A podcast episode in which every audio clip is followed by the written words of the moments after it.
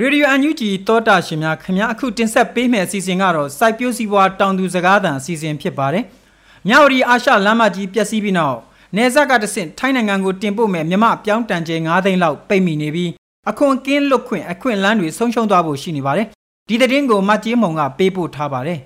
။မြမပြောင်းတင်ပို့မှုကိုထိုင်းနိုင်ငံကဩဂုတ်လကုန်ထိအခွန်ကင်းလွတ်ခွင့်ပေးထားပေမဲ့မြောက်ရီအာရှလမ်းမကြီးပျက်စီးသွားတဲ့အတွက် မြမပြောင်းတန်ကျဲ9သိန်းလောက်ပိတ်မိနေပြီးပြောင်းဈေးတွေလည်းကျလာပါတယ်။ထိုင်းနိုင်ငံကအခွန်ကင်းလွတ်ခွင့်ပေးထားတဲ့အတွက်မြမပြောင်းတပိတ်သားကိုကျပ်90နဲ့100ကျားဈေးပိုရလာပြီးဒီပမာဏက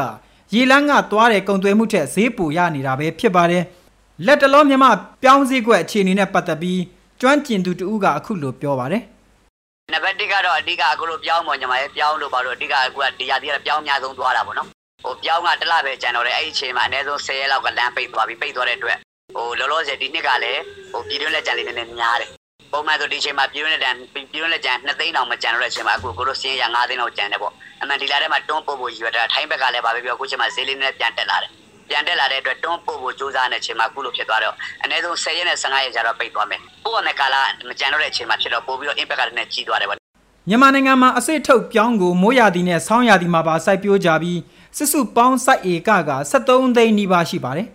ရှမ်းပြည်နယ်မှာအများဆုံးစိုက်ပျိုးကြပြီးစွစုပေါင်းစိုက်ဧကရဲ့9သိန်းနီးပါးကိုစိုက်ပျိုးကြတာဖြစ်ပါတယ်မြန်မာပြောင်းတင်ပို့မှုကထိုင်းနိုင်ငံကိုအများဆုံးတင်ပို့နေတာဖြစ်လို့လန်ခရီးကြံ့ကြာမှုကြောင့်လက်ကြံပြောင်းများနေတဲ့အတွက်ပြောင်းတင်ပို့မဲ့ဈေးကွက်အသစ်တွေမရှာနိုင်ခဲ့ရင် လက်ရှိမိုးရာသီပြောင်းစိုက်ပျိုးမှုအပေါ်မှာတက်ရောက်မှုတွေရှိလာလိမ့်မယ်လို့ပြောင်းလုပ်ငန်းလုပ်ကိုင်းသူတူကပြောပါတယ်တော့ဒါတွေကຫນွေပြောင်းနဲ့ဆောင်းပြောင်းကြံတဲ့ဟာတွေဖြစ်တယ်ဒီ9လပိုင်း10လပိုင်းလောက်ဆိုရင်တော့ဒါရှမ်းတော်ရှမ်းမြောက်ကရကပြောင်းအစ်စ်တွေပေါ်လာမှာပေါ့ပေါ်လာတဲ့အချိန်မှာတော့ပြည်တွင်းမှာကတော့နည်းနည်းပြောင်းပေါ်တွေပျော့ပေါ်နေတဲ့သဘောလောက်ရှိတာပေါ့လေအဲ့တော့ပင်လေရေချောင်းက သွားမဲ့ဈေးကွက်အစ်စ်တွေကိုပေါ်ဆောင်နိုင်ရင်တော့ပြောင်းစည်းလေးကထိုက်တဲ့ဒါကြာကောင်းရနိုင်ပါတယ်။ဒီမရဘူးဆိုလည်းနောက်ပြောင်းဆိုင်ဖို့အတွက်ကလည်းတော်တော်လေးကိုအခုချိန်တော့တော်တော်စဉ်းစားနေရတဲ့အနေအထားမျိုးဖြစ်နေတယ်လေ။ပြီးခဲ့တဲ့ဩဂုတ်လဆန်း9ရက်နေ့မွန်းလွဲပိုင်းကမြောက်ရီအာရှလမ်းမကြီးမြေပြိုပျက်စီးသွားခဲ့တဲ့အတွက်နေဆက်ကတဆင့်ထိုင်းနိုင်ငံကိုတင်ပို့မဲ့မြမပြောင်းတွေပိတ်မိနေတာဖြစ်ပါတယ်။ဩဂုတ်လကုန်ပိုင်းထိပြီးစီးအောင်ပြုပြင်နိုင်တာမရှိပါက